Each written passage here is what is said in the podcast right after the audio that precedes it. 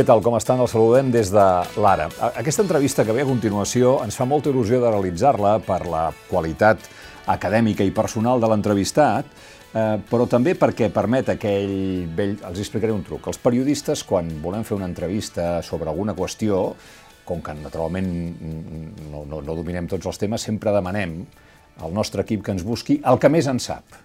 El que més, bueno, avui aquesta entrevista és el que més en sap d'una cosa, d'una cosa que vostès i jo, i jo crec que milions de catalans, i ara veurem que no només milions de catalans, n'hem parlat moltes vegades, que és el corredor mediterrani, és a dir, el tren que hauria de baixar per tota la costa mediterrània, mm, per situar-la a un origen, diguéssim, a la frontera amb França, és a dir, a la Costa Brava, anar baixant fins a Almeria o fins a Màlaga. Eh?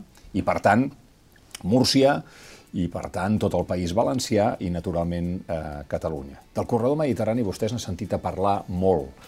N'han sentit a parlar molt, sobretot per comparació, perquè mentre no es fa, mentre no es fa, o es fa molt a poc a poc, eh, Espanya s'ha omplert de mm, centenars i milers de quilòmetres de trens d'alta velocitat que tenim la impressió que no connecten zones tan poblades eh, com les que hi ha a la costa mediterrània. Bé, aquesta és la presentació de la qüestió i el nostre convidat és Josep Vicent Boira. Bon dia, benvingut. Bon dia, moltes gràcies. Gràcies per acompanyar-nos, professor, eh, perquè, en efecte, eh, Josep Vicent Boira és professor de Geografia de la Universitat de València i, en l'actualitat, és el coordinador pel desenvolupament del corredor mediterrani del govern d'Espanya.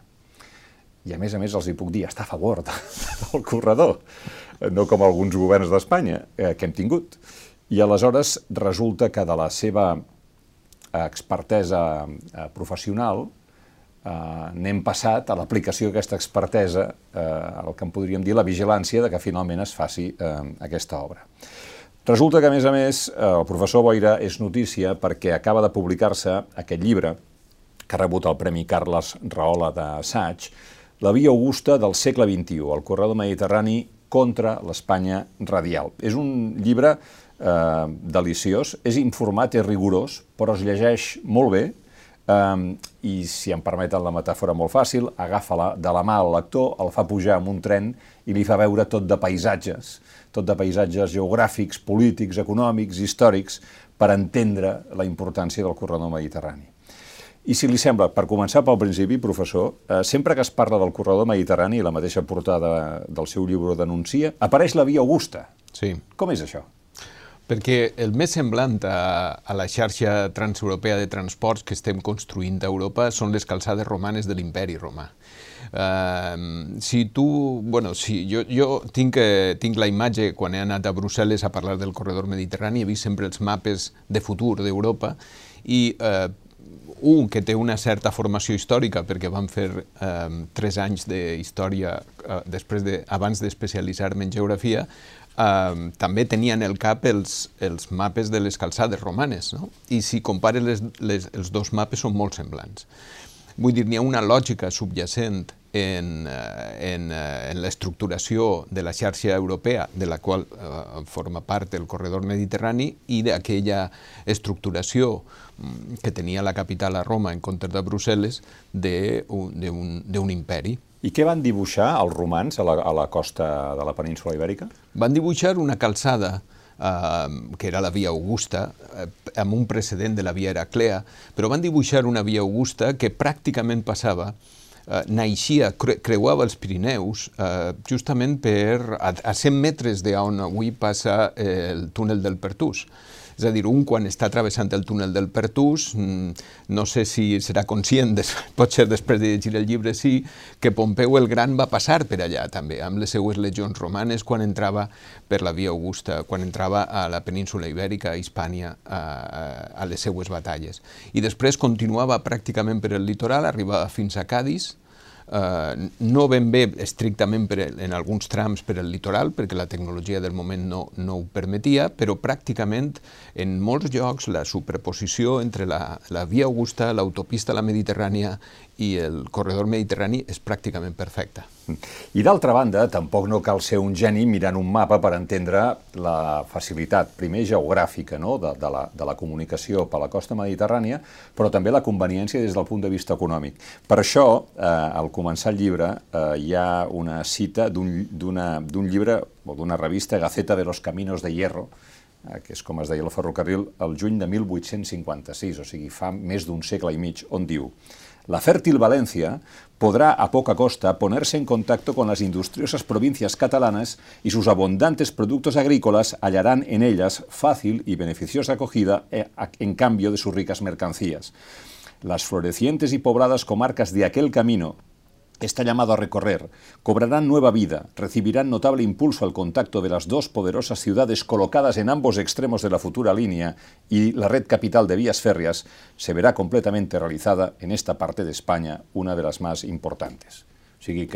Ara parlàvem dels romans, però dos, 2.000 anys més tard ho teníem clar igualment. Exactament. 1856 tenim alguns extrems de, de, de, de la idea de que sempre eh, Catalunya i el País Valencià han estat dos, eh, dos societats molt... molt eh, N'hi ha molts textos que parlen d'això, molt pròsperes, avançades, en una necessitat d'interrelació. I, I alguns, en aquell text pioner, efectivament, ja se veia la idea de que la relació entre Catalunya, entre els catalans i els valencians, a través d'un ferrocarril, podia donar uns beneficis molt grans. No?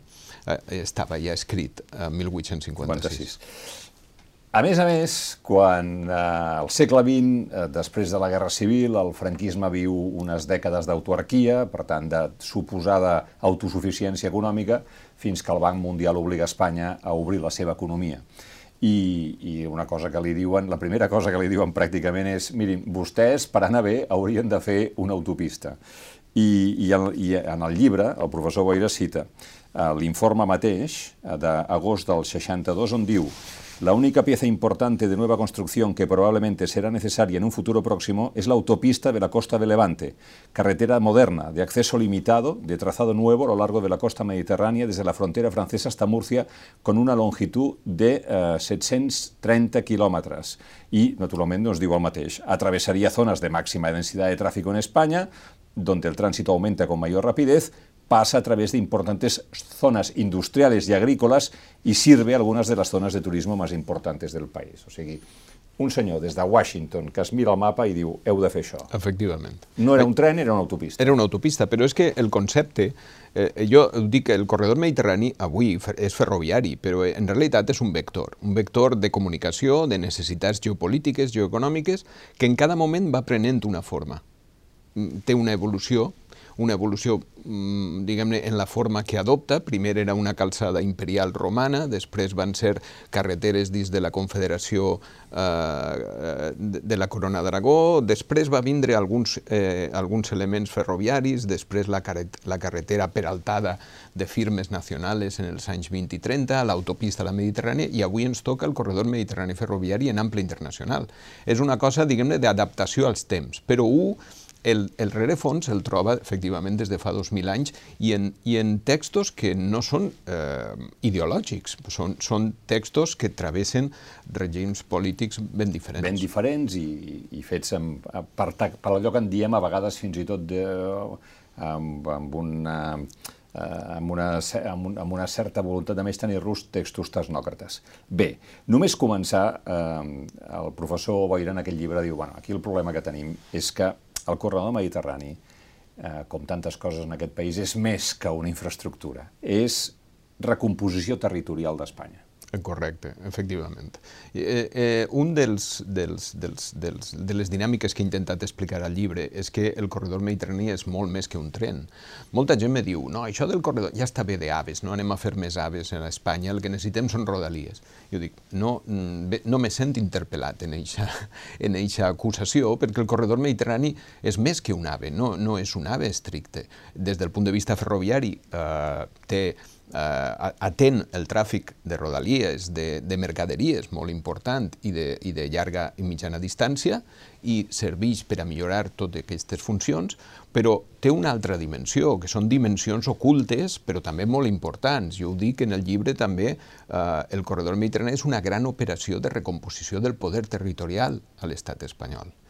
Eh, perquè equilibra la, la centralització de recursos, d'infraestructures i d'un mapa radial que té eh, l'origen o destinació al quilòmetre zero.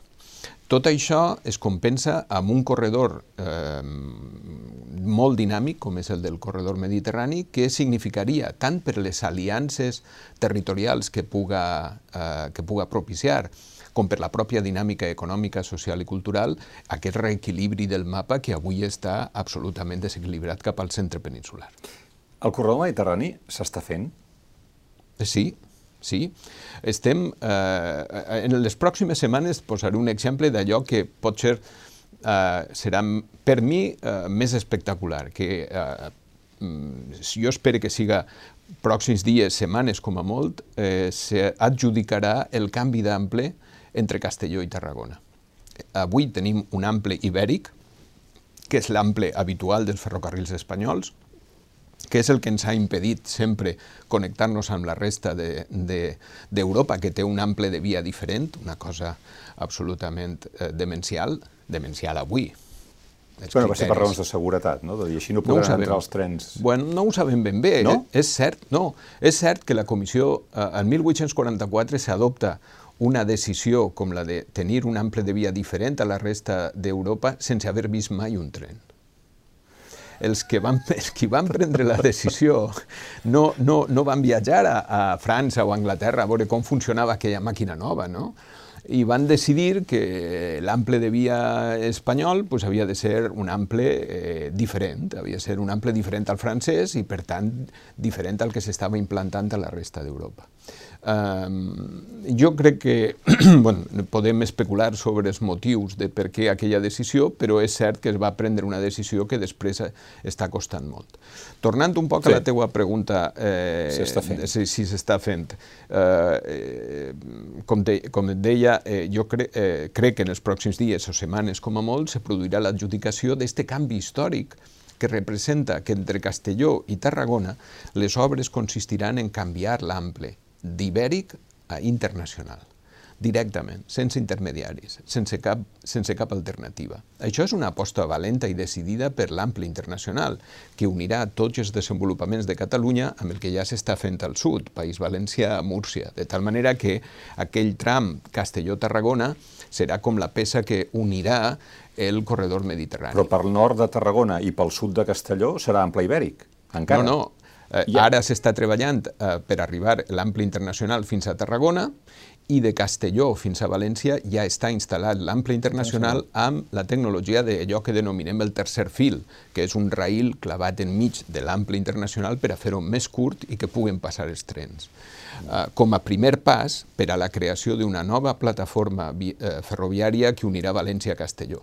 És a dir, en un termini raonable, les obres de Castelló a Tarragona estan eh, estan eh, calculades en 24 mesos, aproximadament dins de dos o tres anys hi haurà una via d'ample internacional que arribarà eh, fins a València i que posarà València en relació, i després Alacant, que també està estan les obres en marxa, que ens posarà a, a totes les regions centrals del País Valencià eh, en comunicació directa amb la resta d'Europa. I el Barcelona-València, per quan any? Per, per quin any? El Barcelona-València és una molt bona pregunta, perquè eh, en l'any. Barcelona-València és un exemple del que s'havia fet sempre mal. No? El Barcelona-València fins, al, eh, fins a principis del 2020, fa quatre dies, eh, encara hi havia eh, una via eh, única en un tram. En un eh? tram, allà en Vandellós, Vandellós, 40 quilòmetres de via única. És a dir, quan anava un tren cap amunt, el tren que baixava, si, si, si li venia de cap, tenia que... S'havia d'esperar. Això, era un, això no era normal entre la segona i tercera ciutat de l'Estat. Això, a qui li ho explicares, jo crec que els romans se quedarien de pedra i el senyor que escrigui això en 1856 també, no? Dir, com és possible que no eh, hagin hagut recursos per a fer això fins a, a gener o febrer del, del 2020. Um, ara ja està fet, això, el, el temps de viatge entre València i Barcelona s'ha reduït a 2 hores 35 minuts i uh, la millora provindrà de uh, la implantació de l'ample internacional en tot el tram, sí. que ara Uh, moltes vegades, quan jo agafo el tren, algú diu ja s'ha tornat a espatllar el tren allà a Reus. I no és que s'hagi espatllat, és que passa per un canviador d'eix. Uh -huh. per a, I per, per tant ha d'anar més a poc a poc. I ha d'anar pràcticament a aturar-se. No? Yeah. Quan això no estiga, guanyarà segur 5-10 Sí. minuts, Sí. i després tota la millora que vindrà amb el desenvolupament de la nova plataforma València-Castelló que permetrà velocitats molt més elevades. No? És a Per, dir, llavors, per quin any creu Barcelona-València?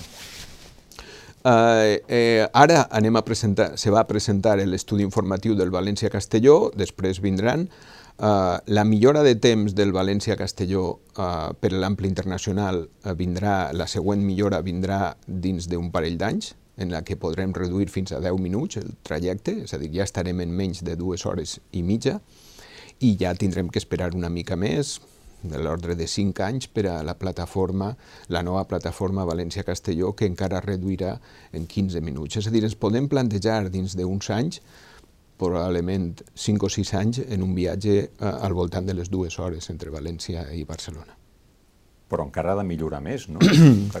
Difícilment, difícilment. Eh, les infraestructures avui ja no són les dels anys 90. La ciutadania exigeix que les infraestructures, els diners que ho eh, dedica a les infraestructures, estiguen molt justificats, perquè són molts diners. L'estat espanyol té mm, molts aeroports sense avions, moltes estacions sense trens. Cal assegurar que tota la inversió que es fa tinga un, un, un retorn. No?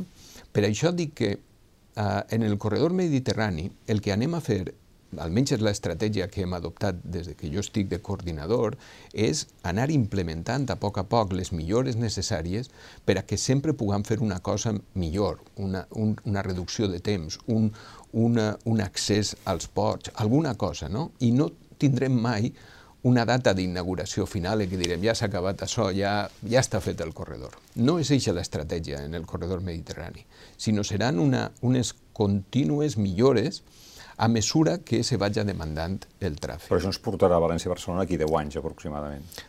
Però eh, eh, tu m'estàs parlant sempre de temps. Sí. Jo t'estic parlant també d'altres coses. Perquè, per exemple, eh, en, en aquests dos anys que jo t'estic dient, aproximadament dos, tres anys, eh, podrem enviar ja mercaderies per esta via en ample internacional a la resta del món o a la resta del món europeu, evidentment, sí, sí, que sí, tenim està a prop. O podrem tindre trens nocturns que arriben de Berlín fins a, fins a Barcelona i continuen fins a València, gràcies a l'ample de via. Um, jo sóc geògraf i els geògrafs li donem molta importància a l'espai, pot ser més que al temps. I jo crec que el futur és un futur organitzat a partir de l'espai i no a partir del temps. Ja ho entenc, però eh, en els últims 20 anys, bueno, des de l'any 92, quan el primer AVE Madrid-Sevilla, hem vist que a Espanya, quan hi ha, l'estat espanyol, l'administració, quan li ha interessat, el temps ha volat, I els diners també. i els diners també. I els diners també, efectivament. Això ha sigut així. Però què tenim ara damunt la taula? Ara tenim una perspectiva europea que abans no es tenia. Això li volia preguntar. El, el corredor mediterrani es fa perquè Europa vol que es faci? Efectivament. És a dir, en l'any 2011 n'hi ha un canvi absolut del paradigma sobre el corredor mediterrani. En realitat, podem dir que el paradigma, el, el corredor mediterrani és com un, nosaltres diguem un xiquet, un nen, un xiquet de 10 anys, perquè té 10 anys. És en l'any 2011, quan Europa decideix que el corredor mediterrani, per pura racionalitat, per estar connectat amb els ports eh, més importants de la Mediterrània, ha d'estar en el seu mapa. I és quan, eh, des de Brussel·les, el comissari Sim Calas, un home al que caldria fer un monument en, les nostres, en tots els parcs de les nostres grans ciutats, decideix que el corredor mediterrani ha d'entrar en el mapa transeuropeu, perquè havia estat sempre negligit, havia estat sempre abandonat en els primers mapes de, del segle XXI, fins i tot sota la comissària Loyola de Palacio.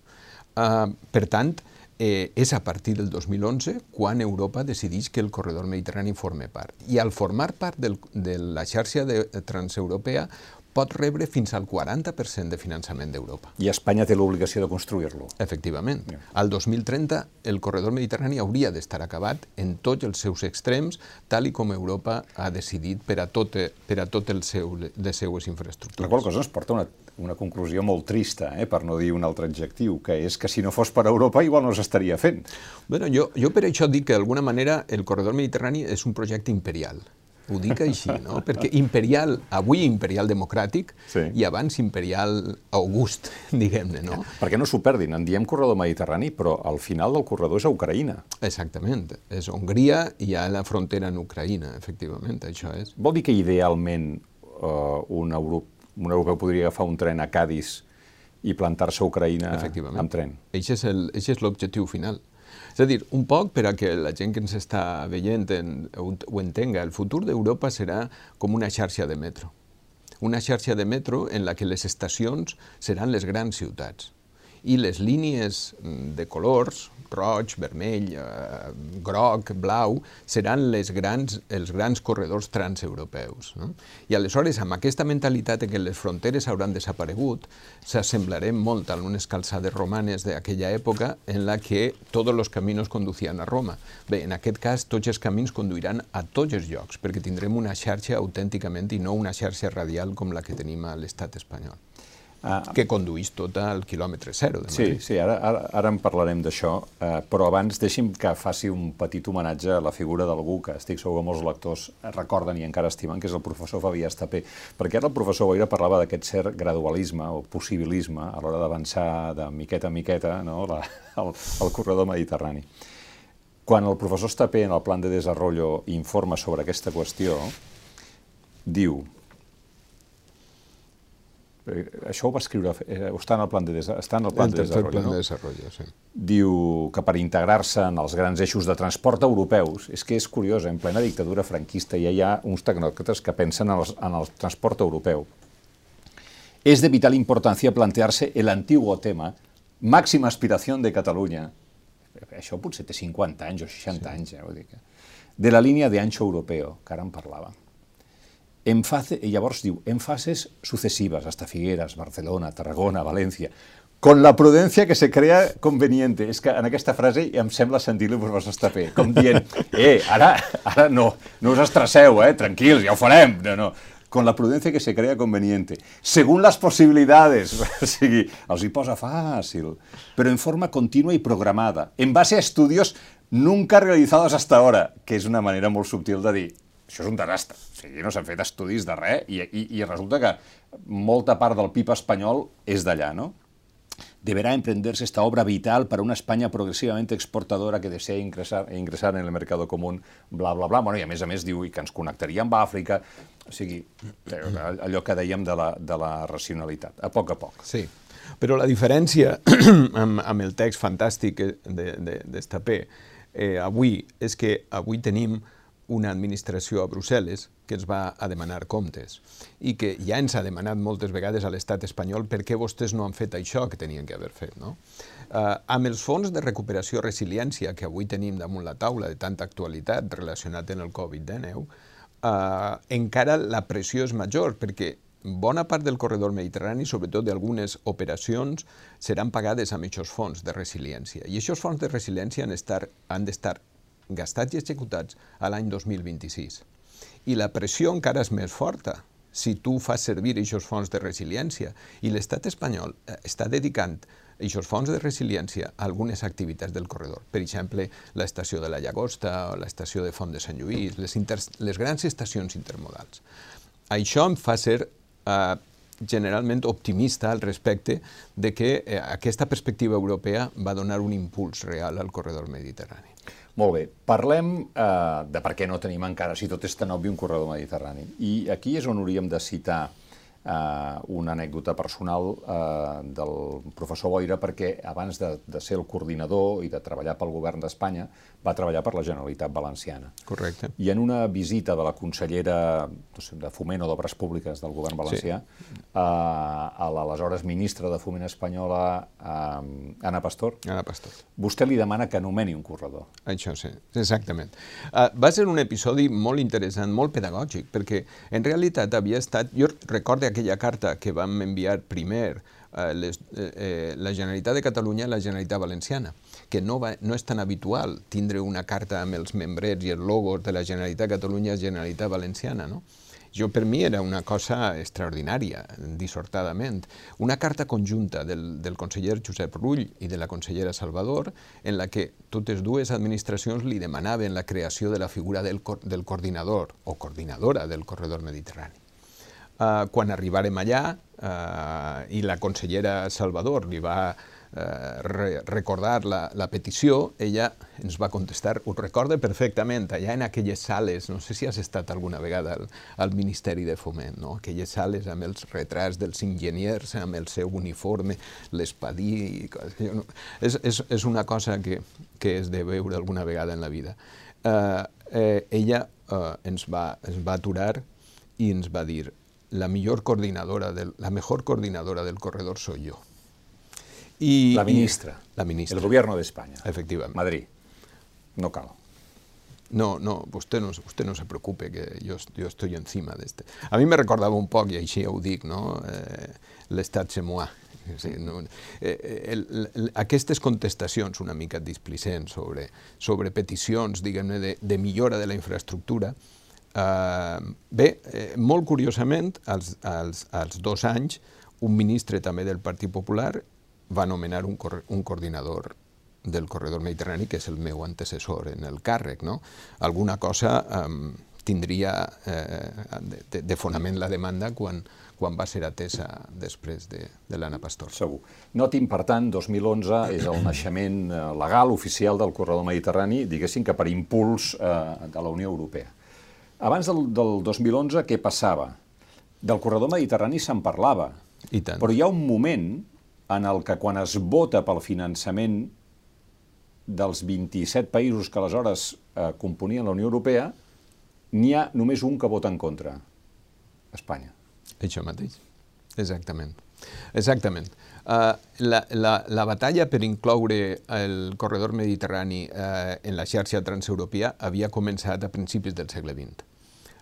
L'any 2003, uh, tots els que estem a favor de, del corredor mediterrani rebem una, una, una molt mala notícia, que és el famós informe Van Miert, que, que especifica per ordre de Loyola de Palacio, que li encarrega a aquest senyor un, un, un dossier, un informe sobre quines seran les infraestructures de futur d'Europa. Aquella comissió, eh, Van Miert, publica l'any 2003 un mapa d'Europa amb les infraestructures i el corredor mediterrani no apareix per a res. A l'estat espanyol, tota la península, tota la, la, la, la, la riba mediterrània resta òrfena de qualsevol projecte i aleshores eh, ens adonem molta gent que cal començar a, a fer una reclamació insistent sobre això. Um, bé, uh, tot això, eh, diguem-ne, eh, continua amb, amb el temps i, uh, i, i és en el 2011 quan canvia aquesta perspectiva uh, i s'incorpora per part d'Europa, com havíem comentat, el corredor mediterrani. Uh, quan ja sembla que tot està solucionat, això va ser amb, amb Pepe Blanco. Pepe Blanco, pues, cal reconèixer-li també aquella, aquella, almenys aquella, aquella cosa que els anteriors ministres de foment no havien fet mai. Bueno, eh, quan canvia el govern i entra el Partit Popular eh, i Anna Pastor es fa ministra, eixa proposta se du al, a, pues, al Consell de, de Ministres de Foment i se vota. I l'únic país, efectivament, que vota en contra fou Espanya. I vota en contra d'aquesta de, decisió que incloïa per primera vegada en la història el corredor mediterrani en, en el mapa europeu per una raó, i és que no estava la travessia central dels Pirineus. La travessia central dels Pirineus és un projecte eh, que lliga aquest corredor central, Algeciras, Madrid, Saragossa, i des de Saragossa, en comptes d'anar per el País Basc o per Catalunya, intenta anar per el centre dels Pirineus amb un túnel d'alta capacitat. Diguem això seria un cert projecte que evitaria que Catalunya i el País Basc tingueren els monopoli de, de, de, dels contactes amb, amb la resta d'Europa. Com que això els francesos no ho han volgut mai, aquest... Per què? Pues perquè ells a l'altra banda no tenen, no tenen cap interès, de que ells tenen dos passos eh, per el Mendalla i Portbou Lepertús. Clar, per I... Catalunya poden anar tant per la Costa Blava com eh, per, fins a Lió fins o a fins Lió. a Ginebra, el que sigui, i pel país, I per la Costa Atlàntica, claríssim. No tenen cap interès en tindre una, una nova connexió d'alta capacitat. Una altra cosa és el Canfranc, que, que és una cosa que bueno, és, és, és normal que tinga aquesta continuïtat perquè ja la tenia, però un túnel nou d'alta capacitat perforant els Pirineus i apareixent a l'altra part de França, això els francesos no s'ho han plantejat. Que és aquest famós projecte, disculpi, que ens feia dir, mira si són, que a Madrid volen fer passar el corredor mediterrani per la meseta, que dius, això, això és una contradicció en els seus propis termes, no? Sí, i, i uh, com que això els francesos no ho volien i Europa va decidir que això no entrava, aleshores la ministra espanyola va votar contra eh, contra l'acord general que per primera vegada en la història certificava la inclusió del corredor mediterrani en el mapa europeu de transports. I ara l'altre corredor, aquest que seria Algesires, Madrid, Saragossa, potser País Basc, es farà? Uh, això és el corredor atlàntic? No, jo has de dir que això és corredor mediterrani. Però es oficialment. Farà? Oficialment. L'any 2011 tenim una bona notícia i una notícia que no és tan bona.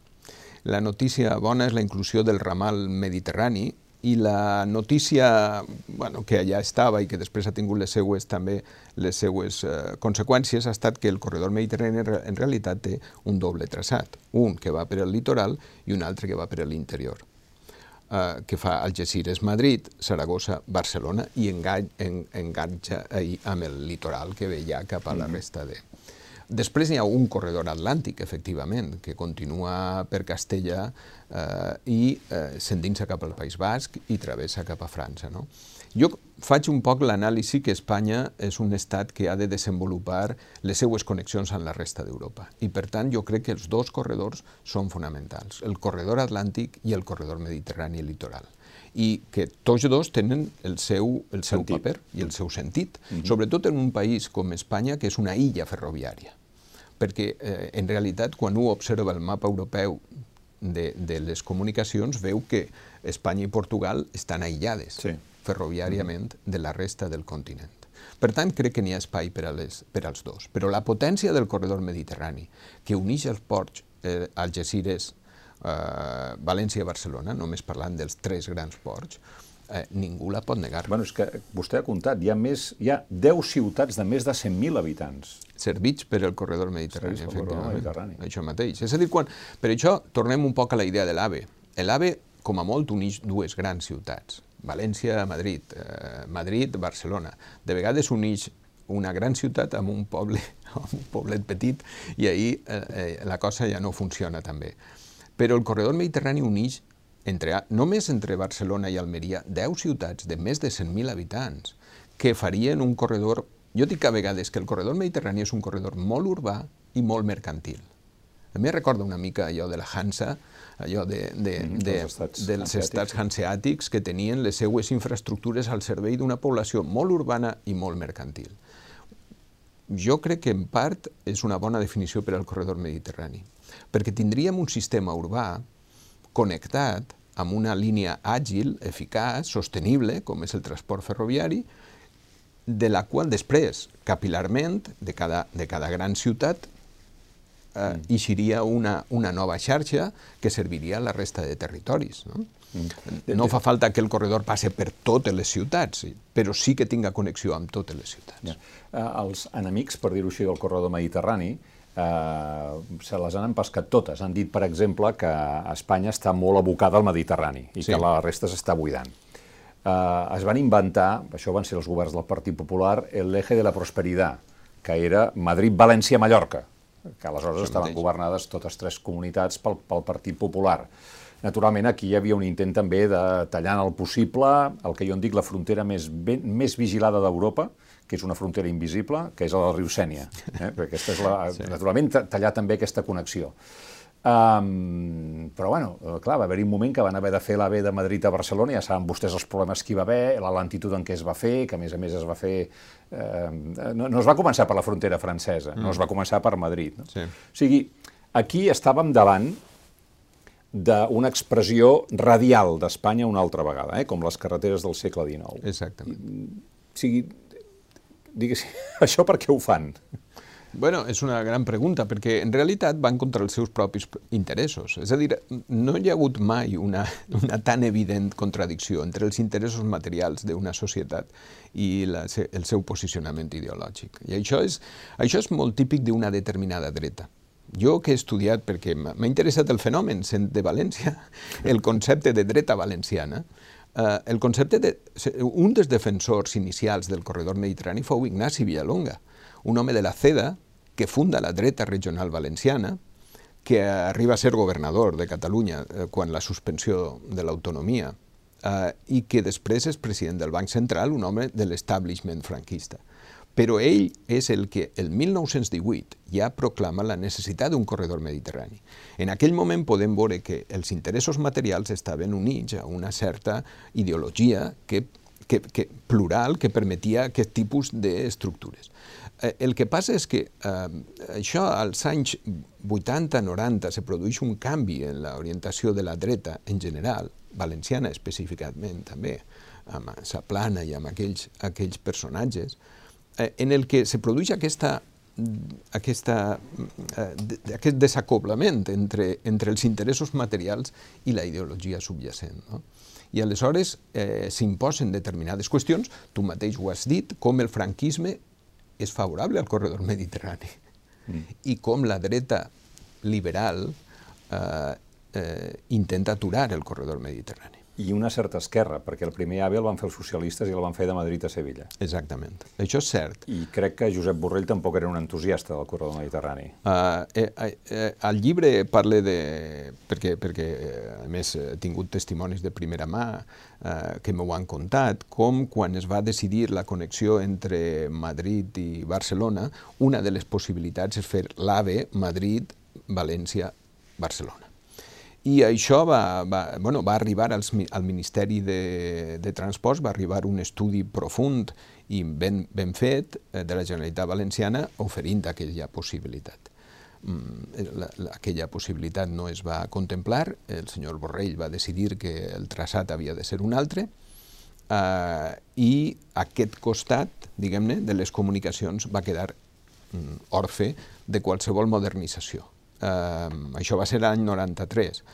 Tres anys després arribava José María Aznar eh, i, i en la seva eh, evidentíssima eh, megalomania centralista sí. i radial eh, ordenava reforçar la... Ordenava perquè és així, i en, le, en les seues pròpies memòries ho certifica, ordenava eh, reforçar els lligams entre València i Madrid eh, a, quals, a qualsevol precio. Mm -hmm.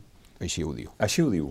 I, I fins i tot un dels seus ministres de foment, Arias Salgado, hi ha un moment que crec que diu no tenemos más remedio que hacer el Zaragoza-Lleida, ¿no? Exactament. No tenemos más remedio. Exactament. Però queda evident, això ho diu el, un periodista mm, que sembla que, que se fa amb les actes d'aquella reunió informal amb membres del, del Partit Popular i efectivament diu no tenim más, no, Sí. Ustedes comprenderán que no tenemos más remedio que, que, llegar hasta Lleida y hasta Cataluña, pero aquí lo que nos interesa realmente és eh, lo que nos interessa. Encara que no és la seva competència, i encara que ja entenc que vostè té en aquests una responsabilitat política, però eh, es pot quantificar o es pot valorar l'esforç inversor en trens d'alta velocitat que ha fet Espanya? Té algun sentit en l'Europa actual, en el món? Eh, és una bona pregunta. Jo, no, per, per definició, no sóc contrari necessàriament als trens d'alta velocitat eh, o a un determinat model. És veritat que els trens d'alta velocitat tenen unes restriccions molt elevades respecte d'altres usos sobre aquestes vies passa un tren d'alta velocitat i només pot passar un tren d'alta velocitat. Tu no pots posar un mercaderies, no pots posar un, un mitjana distància, no pots posar un rodalies i per tant serveix per al que serveix. En el corredor sí. En el corredor sí. Tot això, eh? Efectivament. Excepte en alguns trams, però podrem fer el que ja se fa des de Barcelona fins a la frontera francesa. De la, i, i, uh, I aviat veurem circular per determinades vies perquè el tràfic serà mixt, no. és a dir, ja, però, mercaderies i alta velocitat. Quan jo el convidava a fer una crítica de, de l'alta velocitat espanyola, era amb la idea aquesta de que mm, ha ajudat a buidar Espanya. Mm sigui, l'Espanya vacía és també, en part, deguda a un fenomen de la facilitat de la connexió ferroviària en Madrid, no? Sí. efectivament. Hi ha hagut una, un, un, un doble procés. Primer, aquesta espècie de, de, de, de eh, comunicació hiper, hipersònica o hiperventilada entre grans ciutats a través de l'AVE, que, que, ha, que jo crec que no ha sigut massa positiva per a la ciutat més petita per a la ciutat, diguem-ne, i per tant sempre Madrid ha sigut la que ha guanyat amb aquestes connexions. És a dir, tot el món veia que això... Bé, no, jo crec que ara ja estem tenint prou eh, dades i, eh, i estudis per a certificar que normalment ha beneficiat sempre Madrid. I per altra part, eh, s'ha desatès, és veritat, una xarxa més capilar. Eh, de tal manera que moltes regions han quedat sense estructuració ferroviària no només el corredor mediterrani, que és evidentíssim, aquella, aquell, aquella variant de Vandellós, diguem-ne, de via mm. única, era sí, sí. un clar exemple sinó, per exemple, tota la vall de l'Ebre, eh, amples zones de, de, del nord d'Espanya, de, de la comunicació entre Galícia i Portugal, eh, la cornisa cantàbrica, la ruta de la Plata, és a dir, n'hi ha tants corredors mediterranis a l'estat espanyol. Ah. Eh, Entén-me el que vull dir. Eh? Sí, sí, sí, que, sí. que crec que val la pena replantejar-se tot el mapa. I els aves estaven pensats en una estructura radial, evidentment, no? I per això l'estructura radial, per mi, és un dels elements que avui no té cap sentit, sobretot quan ja parlem d'intercomunicació en Europa, estem parlant ja de trens nocturns, de trens ràpids, d'exportació de mercaderies sosteniblement a la resta d'Europa.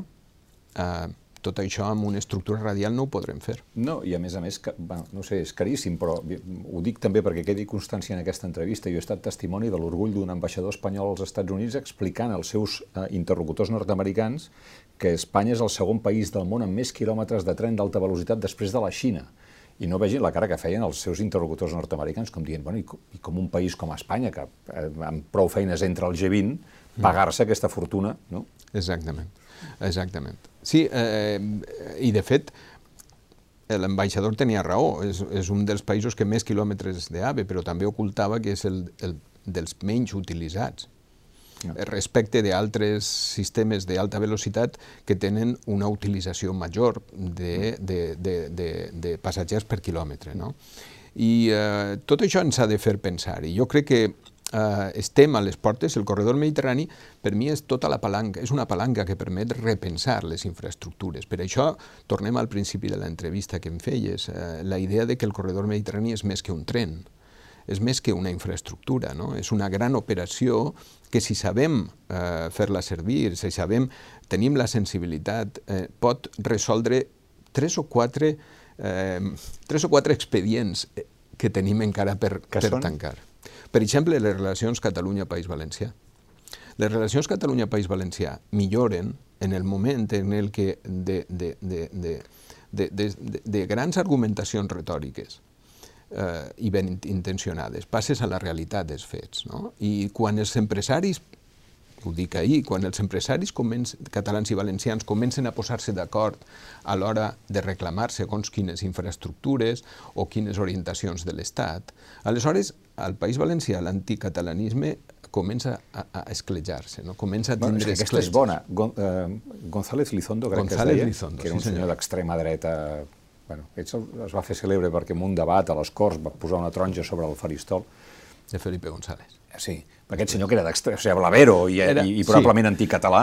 Anticatalanisme ferotge. Ferotge. Bueno, doncs està a favor del corredor mediterrani. Això mateix. I ell defèn Barcelona, curiosament. Defèn Barcelona, eh, eh, defèn la connexió de Barcelona, de València eh, i d'Alacant, no? Yeah. És a dir, l'AVE que havia de connectar en aquells anys, estem parlant dels, dels, dels finals dels 80, eh, que havia de connectar el corredor. La qual cosa ens porta una qüestió molt interessant, eh, potser també una mica delicada perquè toca la pell, eh, i el professor Oira ho, ho aborda en el llibre. Catalunya, eh, Catalunya entesa com un concepte polític, està acostumada a abanderar reivindicacions a Espanya, però, digués, per dir-ho així, se'n cansa, decideix la via independentista i ja no en vol saber res. Mm. I i ara és València la que està tibant d'aquest carro. Sí. És aquesta la situació. És, és, una, és, un, és, un, és una bona explicació, una bona radiografia de la situació actual, perquè efectivament, si tu mires un poc que des del punt de vista, per exemple, empresarial, hi ha una gran plataforma que és la de Vuit Corredor,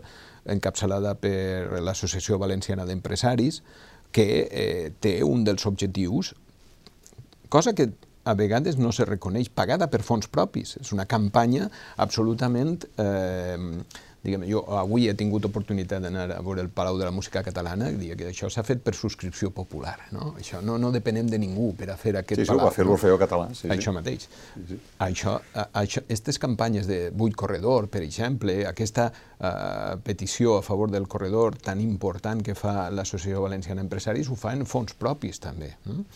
Eh, i, I, per tant, eh, jo veig un protagonisme eh, també amb el president Ximo Puig, amb, amb el govern del Botànic, amb compromís també implicat en aquest, en aquest esforç de reivindicar el, el corredor mediterrani des del País Valencià, efectivament. I estic esperant que Catalunya també eh, cada vegada siga, torne a, a tindre aquest element en, entre les carpetes de, de primer nivell, perquè independentment del que vulgui ser de major, n'hi ha interessos que sempre romandran.